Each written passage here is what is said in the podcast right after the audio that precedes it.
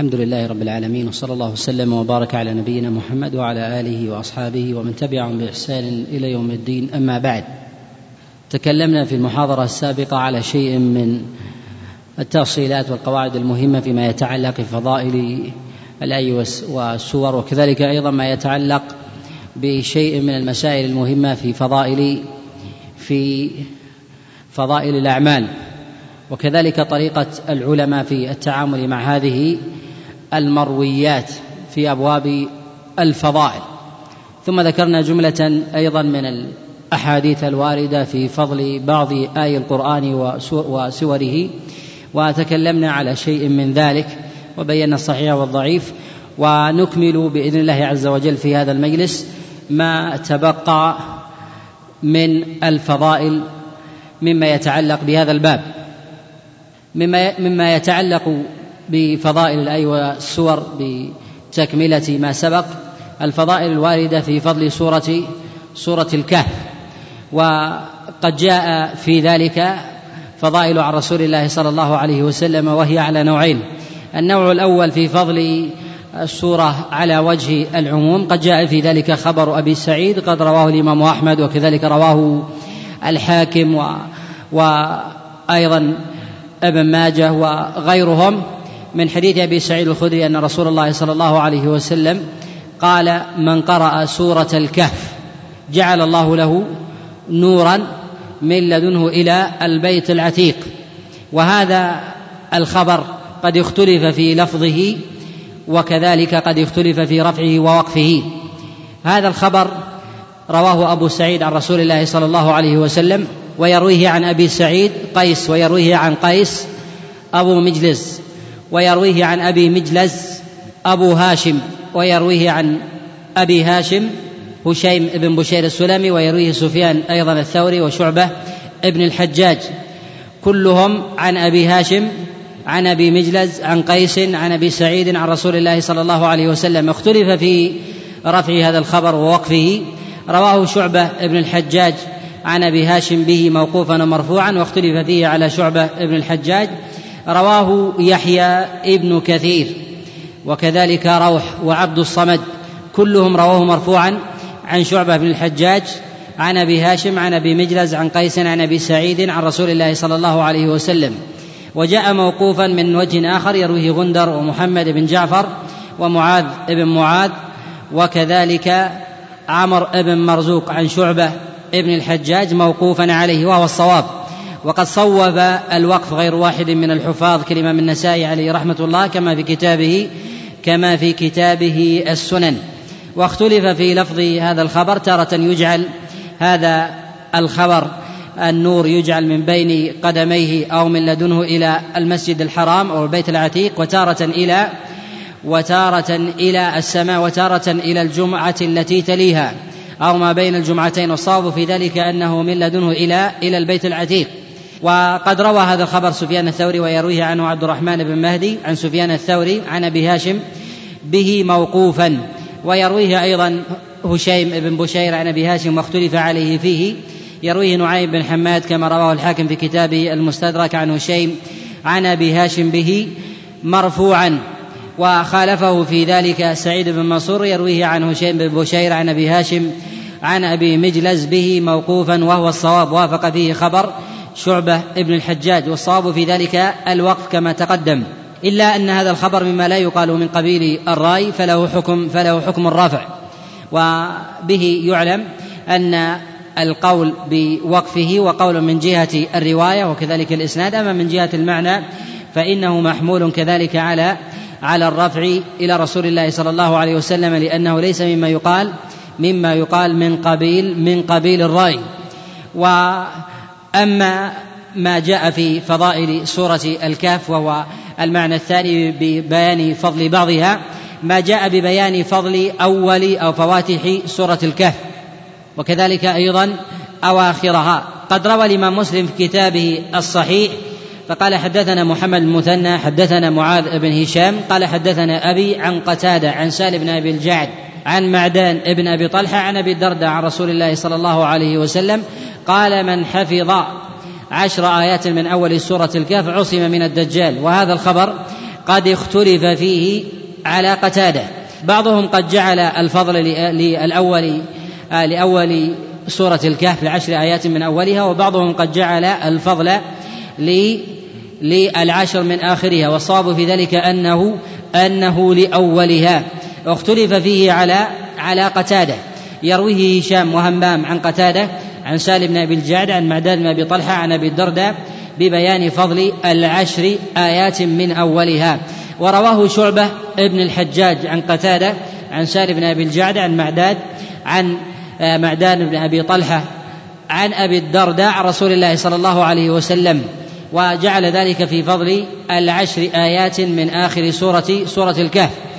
والصواب في ذلك أنه في أولها ويرجح ذلك ما جاء في صحيح الإمام مسلم من حديث النواس بن سمعان أن رسول الله صلى الله عليه وسلم قال إذا خرج الدجال فاقرأوا عليه فواتح سورة الكهف وهذا يعضد ما جاء في رواية هشام ورواية همام عن قتادة به بفضل العشر آيات من أول سورة الكهف. ومن قرائن ذلك أن الإمام مسلم عليه رحمة الله في كتابه الصحيح قد جعل رواية شعبة ابن الحجاج عن قتادة به بذكر العشر آيات من أواخر سورة الكهف. هي بعد الرواية الأولى التي صدرها في الباب وهي فضل العشر آيات من سورة العشر الآيات الأول من سورة الكهف. مما يدل على أنه يرجح العشر الأول وذلك لتقديمه لتقديمه لها. وما جاء في هذا الخبر عن رسول الله صلى الله عليه وسلم في خبر النواس وكذلك في خبر أبي الدرداء عن رسول الله صلى الله عليه وسلم وكذلك أيضا ما جاء في حديث أبي سعيد الخدري. اختلف في هذا المعنى الذي جاء عن رسول الله صلى الله عليه وسلم في حديث أبي سعيد الخدري. هل الفضل الوارد في ذلك هو مقيد بيوم الجمعة أم هو عام؟ اختلف في هذه في ذكر يوم الجمعة في حديث أبي سعيد الخدري. جاء تقييده في بعض الروايات كما في رواية كما في رواية هشيم بن بشير عن أبي هاشم بذكر الجمعة ولم يذكرها شعبة بن الحجاج وسفيان آه، الثوري عن أبي هاشم عن أبي مجلس عن قيس عن أبي سعيد عن رسول الله صلى الله عليه وسلم والصواب في ذلك ثبوتها. وذلك لأن هشيم هو من أهل الاختصاص برواية عن أبي هاشم وشعب بن الحجاج سفيان الثوري وإن لم ي... وإن لم آه، تصح الرواية عنهما بذكر يوم الجمعة إلا أن تفرد هشيم بن بشير عن أبي هاشم مما يحتمل في مثل في مثل هذا. والعلماء عليهم رحمة الله تعالى يغتفرون في الأحاديث الأصول في في الأحاديث المنفردة في فضائل الأعمال فكيف في بعض في بعض المفردات التي تأتي من بعض الثقات. وما جاء في حديث شعبة بن الحجاج وسفيان الثوري في رواية الخبر من غير ذكر الجمعة يحمل على أن أكثر الرواية على الإطلاق. والرواية تحتمل أنها رويت من على الوجهين. مرة تروى بذكر الجمعة ومرة تروى بغيرها والجمعة ثابت. والأئمة عليهم رحمة الله في بعض إطلاقاتهم يقبلون زيادة الثقات كما جاء ذلك عن غير واحد من أئمة العلل كالإمام الدار قطني عليه رحمة الله فإنه قال الزيادة من الثقة مقبولة. كذلك أيضا أبو زرع عليه رحمة الله فقال زيادة الراوي الحافظ على الراوي الحافظ مما مما يقبل. وهو شيء من من أهل الاختصاص برواية عن أبي هاشم وإن كان قد تفرد بمن هو أوثق منه كشعب بن الحجاج وكذلك سفيان الثوري. ولكن يقال إن المترجح في ذلك الوقف سواء في رواية هشيم عن أبي هاشم أو رواية شعبة بن الحجاج عن أبي هاشم به والصواب في رواية هؤلاء الوقف. كذلك فإن آه، المعروفة والمشهورة في رواية سفيان الثوري في رواية عبد الرحمن بن مهدي عن سفيان الثوري في ذلك أيضا في ذلك أيضا الوقف وليس وليس الرفع. وما جاء في هذا المعنى عن رسول الله صلى الله عليه وسلم جعل الله له نورا الأصل في ذلك أن يكون هذا النور نور نور الهداية. والتوفيق والدلالة والإرشاد وما يجعله الله جل وعلا لعبده من سداد رأي وصواب وصواب قول. وما جاء من ذكر أو قراءة هذه السورة في يوم الجمعة فعلى الإطلاق ما جاء في حديث شعب بن الحجاج سفيان الثوري يقال أنه شامل أيضا لمن قرأها في سائر أيام الأسبوع. وما جاء في حديث هشيم هو تخصيص لها في يوم الجمعة فيقال أن الفضل سواء كان في يوم الجمعة أو في غيرها لا حرج على الإنسان أن يقرأها في أي وقت في أي وقت شاء. والثواب في ذلك متحقق له بإذن الله جل وعلا. ولهذا أغفلها الحفاظ لترجح ورود الأجر على الإطلاق وعدم وعدم قصد الجمعة بالتخصيص مع ورودها بالنص. وهذا وهذا هو الذي يظهر. وما جاء من خبر أبي الدرداء وكذلك ما جاء في حديث في حديث النواس عن رسول الله صلى الله عليه وسلم في قراءة فواتح سورة الكهف هل يقال هذا في كل فتنة تطرأ على الناس عامة؟ معلوم أن سياق الخبر قد جاء في الفتنة العامة فإن فتنة الدجال هي فتنة عامة تعم سائر سائر الخلق في ذلك الزمان. فهل يقال أنه يشرع الإنسان أن يقرأ هذه الفواتح في الفتن العامة واضطراب الزمان واشتداد الفتن واستحكام الأمر؟ فإن هذا من من دوافع الفتن. يقال أنه لا حرج بذلك أيضا. لعموم النص فإن فتنة الدجال من أعظم الفتن فإذا كان ذلك مما يجلي للإنسان الفتنة ويعصمه منها فإنه أيضا فيما دونها من الفتن من باب من باب أولى إلا أن الدليل على سبيل الترسيس هو حرز عظيم لمثل هذه لمثل هذه الفتنة. فلا حرج على الإنسان مثلا أن يقرأ هذه هذه الآيات دفعا لفتنة آه، تلحق بالأمة. يريد كفايتها كفتنة الدماء وفتنة الأعراض وفتنة الأموال وفتنة الدين الشبهات الشهوات. وغير ذلك فإن هذا من عموم من عموم النصوص التي لا حرج على الإنسان أن يأخذ أن يأخذ بها. ومن فضائل آه، السور الواردة في ذلك ما جاء رسول الله صلى الله عليه وسلم في فضل سورة الفتح كما جاء في صحيح الإمام مسلم من حديث عمر أن رسول الله صلى الله عليه وسلم قال أنزلت علي سورة هي خير آه، خير من الدنيا وما فيها وفي جاء في رواية عن رسول الله صلى الله عليه وسلم خير ما طلعت عليه الشمس إنا فتحنا لك فتحا مبينا. ومن الفضائل في ذلك ما جاء ما جاء في فضائل سورة الدخان. ولا يثبت في ذلك شيء عن رسول الله صلى الله عليه وسلم. وقد جاء في هذا وقد جاء في هذا بعض الأحاديث عن رسول الله صلى الله عليه وسلم. جاء من حديث أبي رافع وجاء من حديث أبي أمامة وجاء من حديث أبي هريرة عن رسول الله صلى الله عليه وسلم. أن من قرأ سورة الدخان في ليلة جاء في رواية في ليلة جمعة غفر له وجاء في لفظ استغفر له سبعون ألف ألف ملك. وهذا الخبر الخبر لا يصح يرويه عمر. ابن خثعم عن يحيى بن أبي كثير عن أبي سلمة عن أبي هريرة وقد رواه الترمذي بهذا اللفظ ولا يصح. فعمر قد ضعفه غير واحد من الأئمة كالإمام النسائي عليه رحمة الله تعالى وغيره. وقد جاء من وجه آخر من حديث هشام هشام أبي المقدام ولا يصح أيضا عن الحسن عن أبي هريرة. وقد أعل بهشام هذا فإنه ليس بشيء كما قال ذلك الإمام النسائي. وكذلك فإن الحسن لم يسمع من أبي هريرة. هذا الخبر. و ما جاء في فضل سورة الدخان عن رسول الله صلى الله عليه وسلم لا يثبت في ذلك في ذلك شيء. ومن الفضائل أيضا ما جاء في فضل في فضل سورة السجدة ألف لام ميم تنزيل. وجاء في ذلك أن رسول الله صلى الله عليه وسلم كان يقرأها في صلاة الفجر من يوم الجمعة. ولكن هذا ليس على سبيل الاستدامة وذكر الاستدامة فيه لا يصح عن رسول الله صلى الله عليه وسلم. الخبر في الصحيح من حديث أبي هريرة أن رسول الله صلى الله عليه وسلم كان يقرأ في صلاة الفجر بألف لام ميم تنزيل السجدة وهل أتى على الإنسان. وهو من حديث أبي هريرة عن رسول الله صلى الله عليه وسلم وهو في الصحيح. وأما استدامة ذلك فقد جاء عن رسول الله صلى الله عليه وسلم عند الطبراني من حديث عمر بن قيس عن أبي إسحاق عن أبي الأحوص عن عبد الله بن مسعود أن رسول الله صلى الله عليه وسلم كان يديم ذلك. وهذا الخبر قد تفرد به عمر بن قيس عن أبي إسحاق عن أبي الأحوص عن عبد الله بن مسعود ولا ولا يصح وذكر الاستدامة فيه لا يثبت. اذا فهذا الخبر ليس على شرطنا وما جاء وما كان على شرطنا عند الطبراني فإنه فإنها زيادة ضعيفة.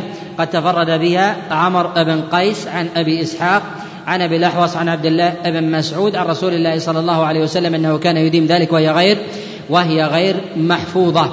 وبه نعلم أن قراءة السجدة إنما كان رسول الله صلى الله عليه وسلم يفعلها في الأحيان ولا يديم ولا يديم ذلك.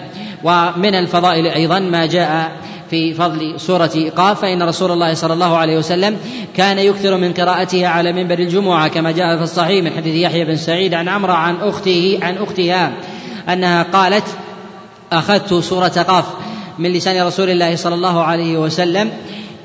إذ كان يقرأها على على المنبر يوم الجمعة. وتخصيصها في مثل هذا الموضع دليل على فضلها. وذلك كما تقدم الكلام في في أول آه، هذا الدرس أن ما جاء عن رسول الله صلى الله عليه وسلم من قراءة سورة في صلاة أو في موضع إذا لم يدل ذلك على الاستدامة فإن هذا ليس دليلا على اختصاصها بمزية بمزية على غيرها. وما جاء عن رسول الله صلى الله عليه وسلم أنه كان يقرأ سورة قاف. هذا دليل على الاستدامة كما جاء في حديث كما جاء في حديث عمرو عن أختها وهو في صحيح الإمام مسلم. فإن حفظ ذلك من كثر ما كان رسول الله صلى الله عليه وسلم يقرأها على منبر الجمعة. هذا دليل على على الاختصاص.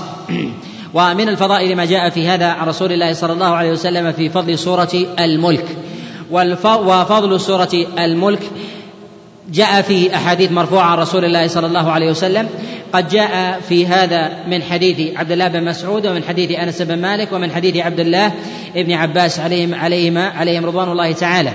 وما جاء فيه مرفوع عن رسول الله صلى الله عليه وسلم لا يصح والصواب في ذلك الوقف على عبد الله بن مسعود. الخبر قد رواه أحمد بن منيع في كتابه فضائل القرآن ورواه كذلك أبو الشيخ من حديث من حديث أبي أحمد.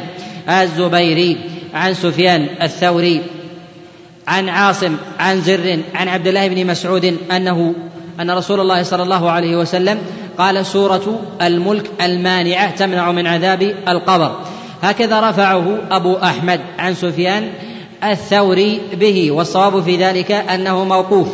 خالف أبا أحمد في ذلك جماعة من الحفاظ كعبد الرزاق بن همام الصنعاني كما رواه عبد الرزاق وكذلك خالفه في ذلك عبد الله بن المبارك كما رواه النسائي في كتابه عمل اليوم والليله عن سفيان الثوري عن عاصم عن زر عن عبد الله بن مسعود موقوفا عليه. وهذا هو الصواب وله حكم وله حكم الرفع. وجاء عند عبد الرزاق أيضا موقوفا من حديث معمر عن أبي إسحاق عن أبي الأحوص عن عبد الله بن مسعود عليه رضوان الله تعالى موقوفا عليه وهو الصواب وجاء مرفوعا ولا يثبت في ذلك شيء عن رسول الله صلى الله عليه وسلم. وجاء أيضا من حديث عبد الله بن عباس عليه رضوان الله تعالى من جاء عند الترمذي في كتابه السنن من حديث من حديث يحيى عن أبيه عن أبي الجوزاء عن عبد الله بن عباس عن رسول الله صلى الله عليه وسلم. وكذلك أيضا جاء من حديث أنس بن مالك عليه رضوان الله تعالى يرويه الفرات ابن السائب. عن عطاء عن عبد الله بن عباس عن رسول الله صلى الله عليه وسلم ولا يثبت في ذلك شيء عن رسول الله صلى الله عليه وسلم. وفي فضل سورة تبارك ما جاء عن عبد الله بن مسعود عليه رضوان الله تعالى موقوفا جاء أنها تنجي من عذاب القبر. تنجي على أي ورد وعلى أي نحو؟ هل تقرأ عند الاحتضار أم تقرأ في حال مرض أم تقرأ عند النوم؟ ما هي الحالة التي جاء فيها؟ قد جاء عن عبد الله بن مسعود عليه رضوان الله تعالى عند عبد الرزاق من حديث معمر عن أبي إسحاق عن أبي الأحوص عن عبد الله بن مسعود عليه رضوان الله تعالى أنه قال إذا قرأها في كل ليلة أطيب وأكثر. أطيب وأكثر يعني أنه يقرأها في كل ليلة. وأما قراءتها عن رسول الله صلى الله عليه وسلم عند النوم فقد جاء في ذلك خبر قد رواه الترمذي من حديث ليث بن أبي سليم عن أبي الزبير عن جابر بن عبد الله أن رسول الله صلى الله عليه وسلم كان لا ينام إلا وقد قرأ سورة سورة تبارك. وهذا الخبر قد جاء من حديث ليث بن أبي سليم وليث بن أبي سليم ضعيف ضعيف الحديث. وقد تابعه على روايته هذه مغيرة ابن مسلم عن أبي الزبير عن جابر بن عبد الله. ولكن ولكن ولكن هنا في رواية أبي الزبير لم يثبت السماع عن جابر بن عبد الله فإنه قد جاء من وجه آخر. قال زهير سألت أبا الزبير هل سمعت هذا الخبر عن جابر بن عبد الله؟ قال لا لم أسمعه من جابر بن عبد الله وإنما سمعته من صفوان بن عبد الله بن صفوان عن أبي عن جابر بن عبد الله عن رسول الله صلى الله عليه وسلم. وهذا الخبر قد اختلف فيه من جهة صحته وضعفه قد صحه غير واحد من من الأئمة من المتأخرين. وما ولعل ما يعضده في هذا الباب ما جاء عن عبد الله بن مسعود عليه رضوان الله تعالى في قراءته عند عند النوم في كل في كل ليلة. يعضد ما جاء في حديث جابر ابن عبد الله.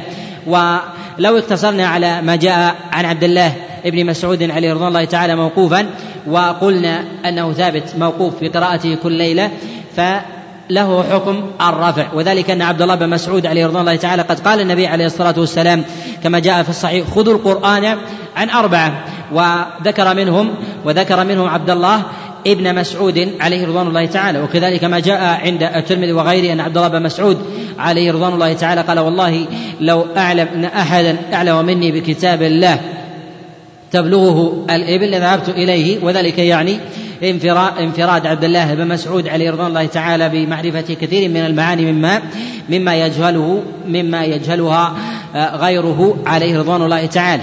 ولما كان بمثل هذه المنزلة وما جاء عن أصحاب رسول الله صلى الله عليه وسلم ببيان فضائل القرآن الأصل في ذلك أنه لا يكون من قبيل من قبيل الرأي وهو في حكم المرفوع إلى رسول الله صلى الله عليه وسلم. ومن الفضائل الواردة في ذلك سورة الأعلى. فإن رسول الله صلى الله عليه وسلم كان يقرأها في وتره.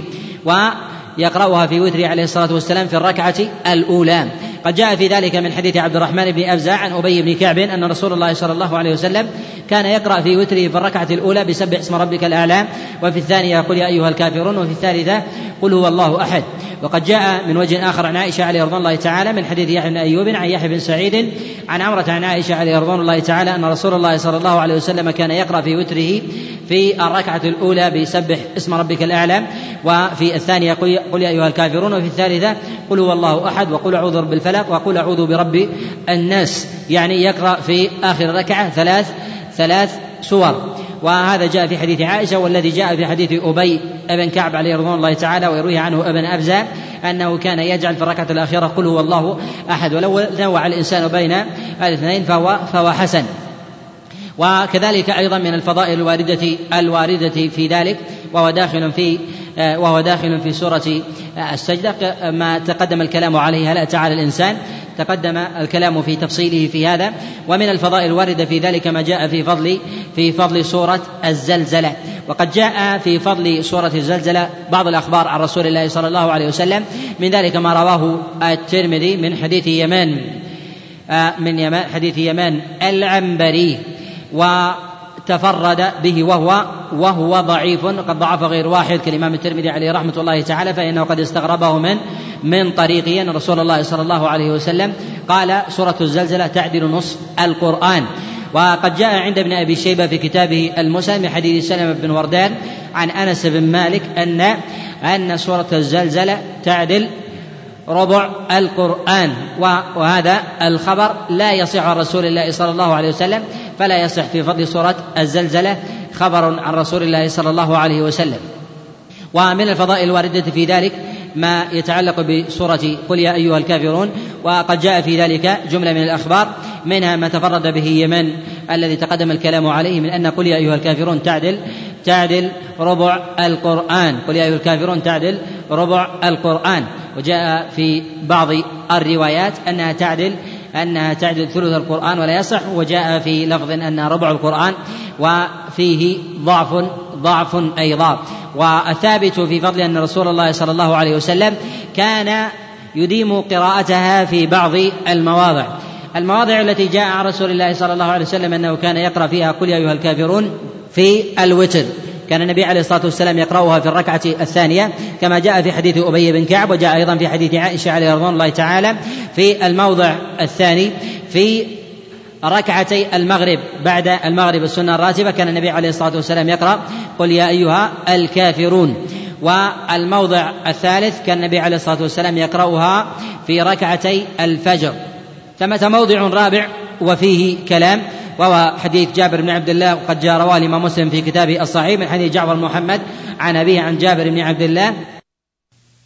وجاء بلفظ الشك تارة وبالجزم تارة. النبي عليه الصلاة والسلام كان يقرأ آه، سورة آه، قل يا أيها الكافرون وقل هو الله أحد في ركعتي الطواف. هذه أربع مواضع. الموضع الرابع غير محفوظ والصواب أنه مدرج وأنه مدرج من حديث جعفر بن محمد عن أبيه لا من قول جابر بن عبد الله وإنما هو من فعل محمد. وهذا الخبر لا يثبت مرفوعا كما صوب ذلك غير واحد من العلماء كأبي حاتم كما في كما ذكر ذلك ابن أبي حاتم في كتاب العلل وكذلك الخطيب البغدادي كما في كتابه الفاصل المدرج والواصل. وبين أن هذا من المدرجات وليس هو من المرفوع عن رسول الله صلى الله عليه وسلم. وأما المواضع الثلاث فهي صحيحة. الموضع الأول موضع الوتر الموضع الثاني موضع ركعتي الفجر الموضع الثالث وهي ركعتي المغرب. ما جاء في ركعتي الفجر وثابت في صحيح الإمام مسلم من حديث أبي حازم عن أبي هريرة أن رسول الله صلى الله عليه وسلم كان يقرأ يقرأ في ركعتي الفجر قل يا أيها الكافرون وقل هو الله أحد وهذا إشارة إلى استدامتها وأما ما كان في ركعتي في ركعتي المغرب يعني بعد المغرب وكذلك أيضا في وتره عليه الصلاة والسلام هذا قد جاء عن رسول الله صلى الله عليه وسلم قد جاء عن رسول الله صلى الله عليه وسلم من حديث عائشة وجاء من حديث أبي أبي بن كعب. جاء من حديث عبد الله بن عمر وجاء من حديث عبد الله بن مسعود عليهما رضوان الله تعالى أن رسول الله صلى الله عليه وسلم كان يديم قراءتها في ركعتي الفجر وفي ركعتين بعد المغرب. جاء من حديث من حديث عاصم بن بدلة عن عبد الله بن مسعود أن رسول الله صلى الله عليه وسلم كان يقرأها في ركعتي الفجر وفي الركعتين بعد. المغرب. وجاء أيضا من حديث من حديث مجاهد بن جبر عن عبد الله بن عمر قال سمعت رسول الله صلى الله عليه وسلم يقرأ قل يا أيها الكافرون وقل هو الله أحد بضعا وعشرين مرة يقرأها بعد المغرب وفي ركعتي الفجر. قل يا أيها الكافرون وقل هو الله أحد. وما جاء في حديث أبي بن كعب وفي حديث عائشة عليه رضي الله تعالى مما يتعلق في قراءة مع رسول في قراءة رسول الله صلى الله عليه وسلم لهاتين السورتين مما في صلاة الوتر فإن رسول الله صلى الله عليه وسلم كان يكثر في إيتاره بثلاث ركعات. يعني آه، هل يفصل بينها أو لا يفصل بينها؟ ليس هذا محل محل بسطه. وكان رسول الله صلى الله عليه وسلم كما جاء في حديث عائشة يصلي من الليل إحدى عشرة ركعة. ومن الفضائل الواردة في هذا ما يتعلق ما يتعلق بفضل سورة الإخلاص. وقد جاء في ذلك جملة من الأخبار عن رسول الله صلى الله عليه وسلم من الضرية والشريعة ما جاء في الصحيح من حديث أبي سعيد الخدري أن رسول الله صلى الله عليه وسلم قال والذي نفسي بيده إنها تعدل ثلث القرآن. تعدل ثلث القرآن. وقد جاء عن رسول الله صلى الله عليه وسلم أيضا في الصحيح من حديث عائشة عليه رضوان الله تعالى أن رسول الله صلى الله عليه وسلم بعث سرية وجعل عليه الصلاة والسلام لهم إماما فكان يصلي بهم فإذا قرأ سورة ختمها بقل هو الله أحد. ف ذهبوا إلى رسول الله صلى الله عليه وسلم فأخبروه بذلك فقال النبي عليه الصلاة والسلام سألوا سألوه لما فعل ذلك فقال عليه رضوان الله إني إني أحبها إنها وصف الرحمن. فقال رسول الله صلى الله عليه وسلم حبك إياها أدخلك إياها الجنة. وفي هذا إشارة إلى أن حب هذه السورة وتكرارها مما مما يحبه الله جل وعلا ومن أسباب أيضا ومن أسباب أيضا دخول دخول الجنة ومن المواضع المخصصة في فضل سورة آه، الإخلاص في قراءتها في في الوتر والمواضع أيضا السابقة التي تقدم تقدم الكلام الكلام عليها. وينبغي أن يعلم أن ما جاء رسول الله صلى الله عليه وسلم في قوله أنها تعدل ثلث القرآن أنها تعدل ثلث القرآن من جهة الجزاء لا من جهة الإجزاء. وهذا ينبغي أن يعلم أن ثمة جزاء وثمة إجزاء. الجزاء هو الثواب أي كأن الإنسان قد قرأ القرآن كاملا إذا قرأ سورة الإخلاص ثلاث مرات. وأما من جهة الإجزاء لا تجزيه عن عن القرآن. ومعنى ذلك الإجزاء أي أن القرآن على ثلاثة معاني. المعنى الأول معاني التوحيد. المعنى الثالث معاني الحلال والحرام وهي الأحكام. المعنى الرابع هي القصص. فإن سورة الإخلاص قد انفردت بأنواع التوحيد بأنواع التوحيد الثلاثة. وهذا ليس لشيء إلا لسورة لسورة الإخلاص. وينبغي أن يعلم أن ثمة مرويات قد جاءت عن رسول الله صلى الله عليه وسلم في قراءتها في بعض المواضع. من ذلك في قراءتها أدبار الصلوات فهذا مما لا يثبت فيه شيء لا يثبت فيه شيء عن رسول الله صلى الله عليه وسلم. كذلك أيضا في قراءتها في أذكار في أذكار الصباح والمساء. لا يثبت أيضا في هذا الخبر شيء عن رسول الله صلى الله عليه وسلم. و هل تدخل في أبواب الرقية؟ اختلف العلماء في هذا. هل تدخل في أبواب المعوذات؟ قد جاء في ذلك جملة من الأخبار عن رسول الله صلى الله عليه وسلم جاء في إدخالها في حديث عقبة بن عامر وجاء أيضا في حديث عبد الله الخبيب وجاء أيضا في حديث عائشة عليه رضوان الله تعالى في إطلاق لفظ المعوذات. هل تدخل في المعوذات أم لا؟ من العلماء من أدخلها في إطلاق المعوذات باعتبار باعتبار قربها منها واشتراكها أيضا.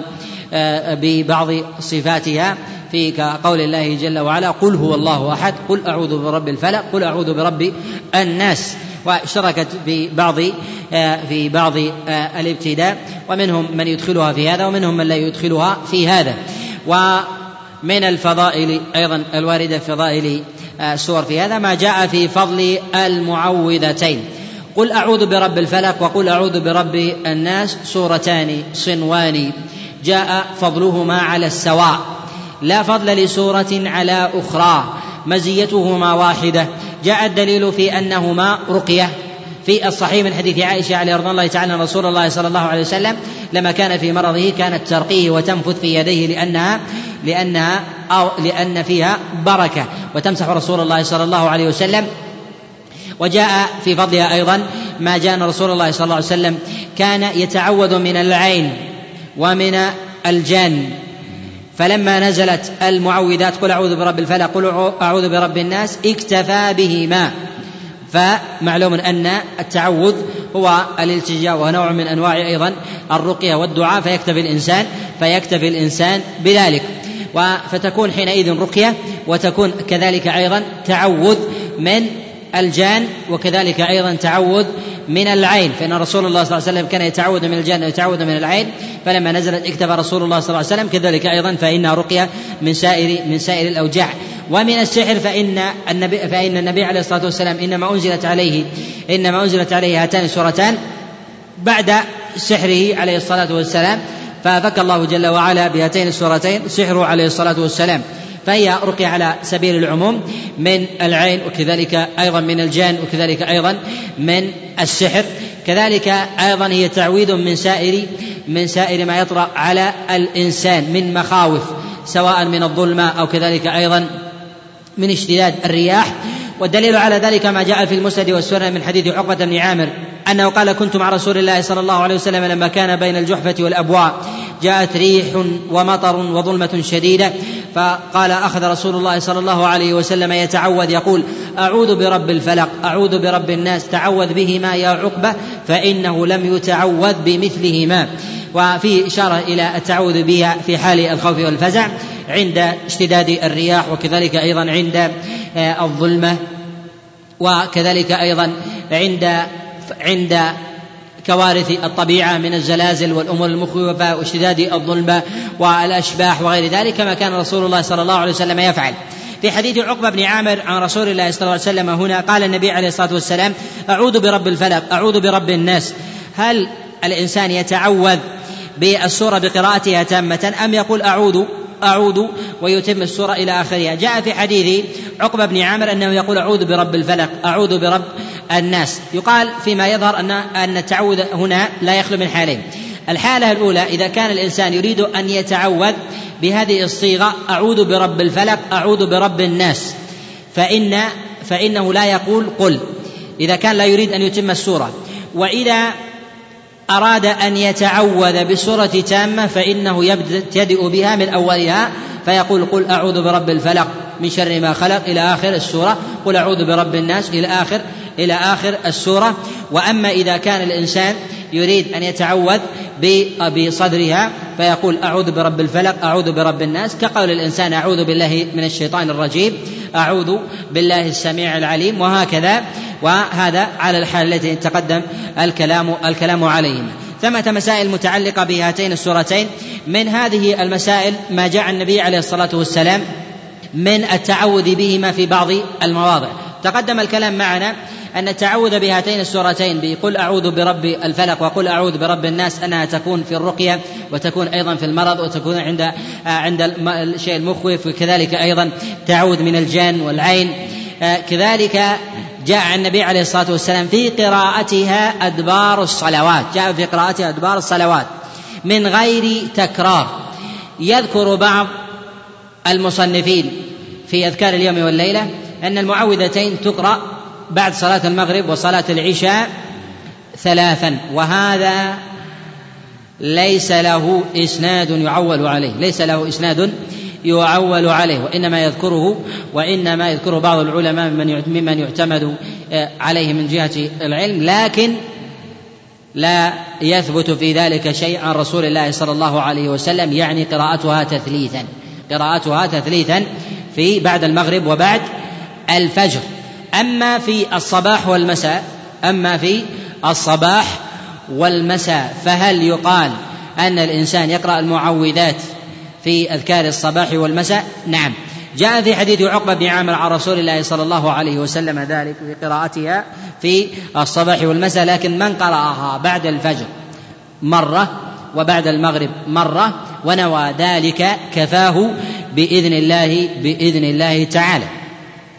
من الأمور المهمة المتعلقة في هذا في هذا الباب أن يشار إلى أن الفضائل التي التي ترد في بعض سور القرآن التي تشترك معها بقية السور تشترك معها بقية السور ما جاء النبي عليه الصلاة والسلام سواء مما فيه كلام أو مما هو يحسن هذا لا يدخل في بابنا وإنما ما جاء النبي عليه الصلاة والسلام له ميزة اختصاص. من المسائل المهمة المتعلقة في هذا الباب. تقدم الكلام معنا فضائل السور وفضائل الآية. هناك باب من الأبواب ما يتعلق في بعض فضائل القرآن هو فضائل الأحزاب وأجزاء القرآن. فضائل الأحزاب وأجزاء القرآن. أفضل أجزاء القرآن وأحزابه المفصل. أفضل أجزاء القرآن وأحزابه المفصل. والمفصل يبتدئ من قاف إلى إلى آخر القرآن إلى سورة الناس كما جاء في السنن من حديث حذيفة عليه رضوان الله تعالى. وهذا المفصل إنما كانت ميزته من وجوه. الوجه الأول أن المفصل محكم أن المفصل محكم. النسخ فيه نادر النسخ فيه النسخ فيه نادر أو يكاد أن يعدم في المفصل. الأمر الثاني أن المفصل قد جاء في بعض الأخبار عن رسول الله صلى الله عليه وسلم أن الله جل وعلا خص نبيه خص نبيه بالمفصل خص نبيه خص نبيه بالمفصل. و كما جاء النبي عليه الصلاة والسلام في المسند والسنن قال عليه الصلاة والسلام فضلت فضلت بالمفصل يعني أعطاني الله جل وعلا المفصل زيادة زيادة بما ما أوتي الأنبياء. الدليل على كون المفصل من المحكم ما جاء في البخاري من حديث سعيد بن جبير عن عبد الله بن عباس قال جمعت جمعت المفصل في زمن رسول الله صلى الله عليه وسلم وأنا ابن عشر سنين. قالوا وما المفصل أو ما المحكم؟ قال المفصل. يعني أن المفصل الذي هو على الصحيح من قاف إلى سورة الناس هو المحكم الذي ليس فيه نسخ. وفي هذا فائدة أن المحكم الذي جاء العناية به وهو المفصل أن العناية فيه من وجوه. الوجه الأول أن الأحكام الشرعية الواردة فيه طرق النسخ عليها نادر فينبغي الإنسان أن يبادر بتعلمها. الأمر الثاني أنه ينبغي أن يتعلمها الصبية أكثر من غيرها كما كان عبد الله بن عباس عليه رضوان الله تعالى فإنه قال توفي رسول الله صلى الله عليه وسلم وأنا ابن عشر سنين وقد جمعت جمعت المفصل. وهذا فيه إشارة إلى أن الصبي ينبغي أن يبتدأ معهم من سور القصار حتى حتى آه، حتى يتجاوزوها إلى إلى الأواسط وإلى الطوال. كذلك أيضا فإن الإنسان ينبغي أن يعرف أقسام آه، القرآن. من المهم جدا أن يعرف الإنسان أحزاب القرآن حتى يقرأ بها كما كان رسول الله صلى الله عليه وسلم يقرأ. فإن النبي عليه الصلاة والسلام كان ينوع في قراءته القرآن. كان يقرأ في الطوال في صلاة الفجر وكان النبي عليه الصلاة والسلام يقرأ بالقصار في صلاة المغرب وفي الأواسط في صلاة العشاء. فإذا ميز الإنسان الطوال وميز الإنسان الأواسط وميز الإنسان القصار اتبع سنة رسول الله صلى الله عليه وسلم وكان على هدى ونور. ومن الأمور المهمة أن ينبغي لطالب العلم في أبواب الأحكام أنه ينبغي للإنسان في حال التفقه في معرفته للمسائل الفقهية أن يعرف المحكم أن يعرف المحكم ابتداء. كما كان هنا في حال عبد الله بن عباس عليه رضوان الله تعالى وهو الذي دعا له النبي عليه الصلاة والسلام بقوله اللهم اللهم علمه التأويل. يعني تأويل القرآن. ومعنى هذا حينما النبي عليه الصلاة والسلام دعا لعبد الله بن عباس عليه رضوان الله تعالى ب اللهم علمه التأويل فبدأ بحفظ وضبط المفصل وذلك لكونه من ولكونه من المحكم. لأن هذا هو الذي يقع فيه التدين ابتداء. فينبغي الإنسان أن لا ينشغل بالمنسوخ عن ألا ينشغل بالمنسوخ عن الناسخ فأول ما يبتدي به هو معرفة معرفة المحكم من كلام الله سبحانه وتعالى. وهذا هو الهدى وهو طريق وهو طريق الحق. ويظهر في حديث عبد الله بن عباس عليه رضوان الله تعالى الذي قد رواه البخاري في بيان في بيان ضبطه للمحكم أن هذا كان امتثالا لأمر رسول الله صلى الله عليه وسلم. وذلك أنه قال أني جمعت المحكم في زمن رسول الله صلى الله عليه وسلم وأنا ابن عشر سنين. وما المراد من هذا؟ يعني أني أخذت ذلك عن رسول الله صلى الله عليه وسلم وأصل الجمع في هذا أنه لا يمكن أن يأخذه بواسطة من جهة الأصل وإن أخذ شيئا بواسطة فإن الأصل أن يأخذه من النبي عليه الصلاة والسلام لا من لا من غيره. وبهذا نعلم أنه ينبغي للإنسان أن يكون من أهل العناية بمعرفة المفصل قبل قبل غيره على خلاف الطريقة التي يعتني بها بعض الحفاظ لكلام الله جل وعلا الذين يبتدئون من الصور الطوال وذلك لمخالفة طرائق الصحابة عليهم رضوان الله تعالى كذلك أيضا المخالفة لمعرفة المعاني المقصودة من كلام الله جل وعلا. حتى لا يلتبس على الإنسان آه، بعض المعاني أو آه، أو بعض السور أو الآية التي فيها فيها نسخ. فيظن أنها من من أمور المحكم فيستدل بها من غير موضعها. فإن من المسائل المهمة التي ينبغي لطالب العلم أن يكون على عناية بها في هذا الباب ما يتعلق في تقسيم القرآن أن يكون على معرفة بأبواب الناسخ والمنسوخ. وقد صنف غير واحد من العلماء في أبواب ناسخ القرآن ومنسوخه. من ذلك الأثرم. عليه رحمة الله له كتاب ناسخ القرآن ومنسوخه. كذلك أيضا أبو بكر الجصاص له في ذلك في له في ذلك نواسخ القرآن وكذلك أيضا أبو الفرج بن الجوزي له أيضا نواسخ القرآن فينبغي لطالب العلم أن يكون من أهل العناية فيها. وأما ما يتعلق ببابنا وهو أبواب فضائل الآي والسور فإنه لا علاقة للنسخ فيها. وذلك أن النسخ إنما يطرأ على أحاديث الأحكام ولا يدخل على النوعين الثانيين. تقدم معنا الكلام على أن أقسام القرآن هي على ثلاثة أقسام. القسم الأول أبواب العقائد الثاني الحلال والحرام الثالث الثالث السير والقصص وهي أبواب الأخبار. العقائد والأخبار لا يدخلها لا يدخلها النسخ. باعتبار أن العقائد هي أصل الأخبار ودخول النسخ عليها آه، يتضمن تكذيب وهذا باطل.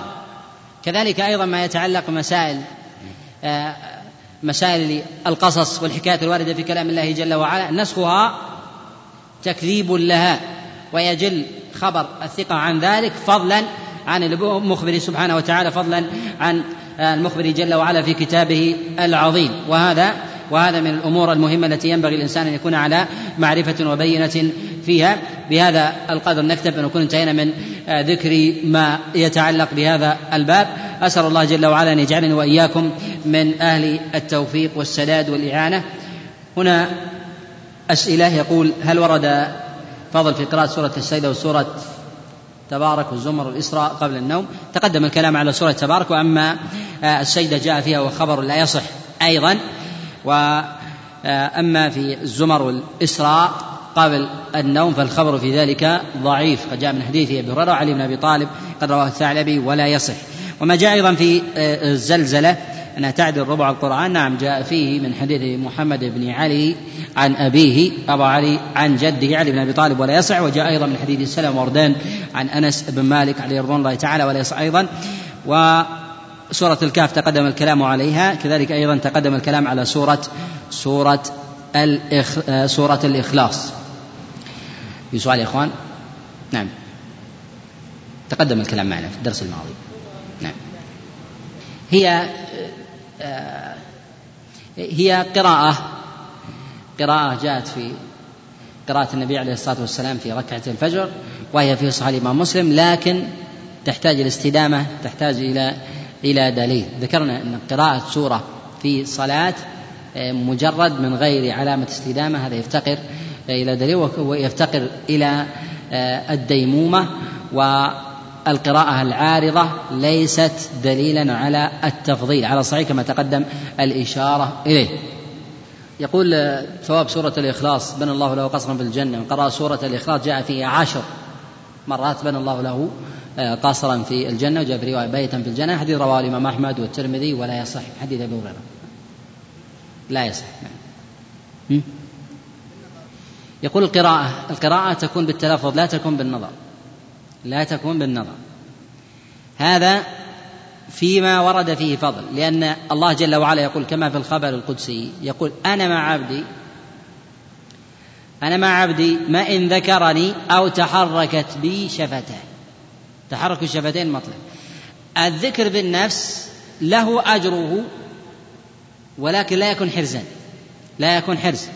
لأن الله سبحانه وتعالى يقول أنا مع عبدي. المعية هنا تقتضي العصمة والحرز والصيانة. وأما فضل ذكر النفس وما جاء في قوله جل وعلا فإن ذكرني في نفسه ذكرته في نفسي. لم يثبت فيها شيء. لا يصح. نعم. تقدم الكلام. تكلمنا على ثبوتها سورة الفتح تقدمت معنا. في هذا القدر كفاية وصلى الله وسلم وبارك على نبينا محمد.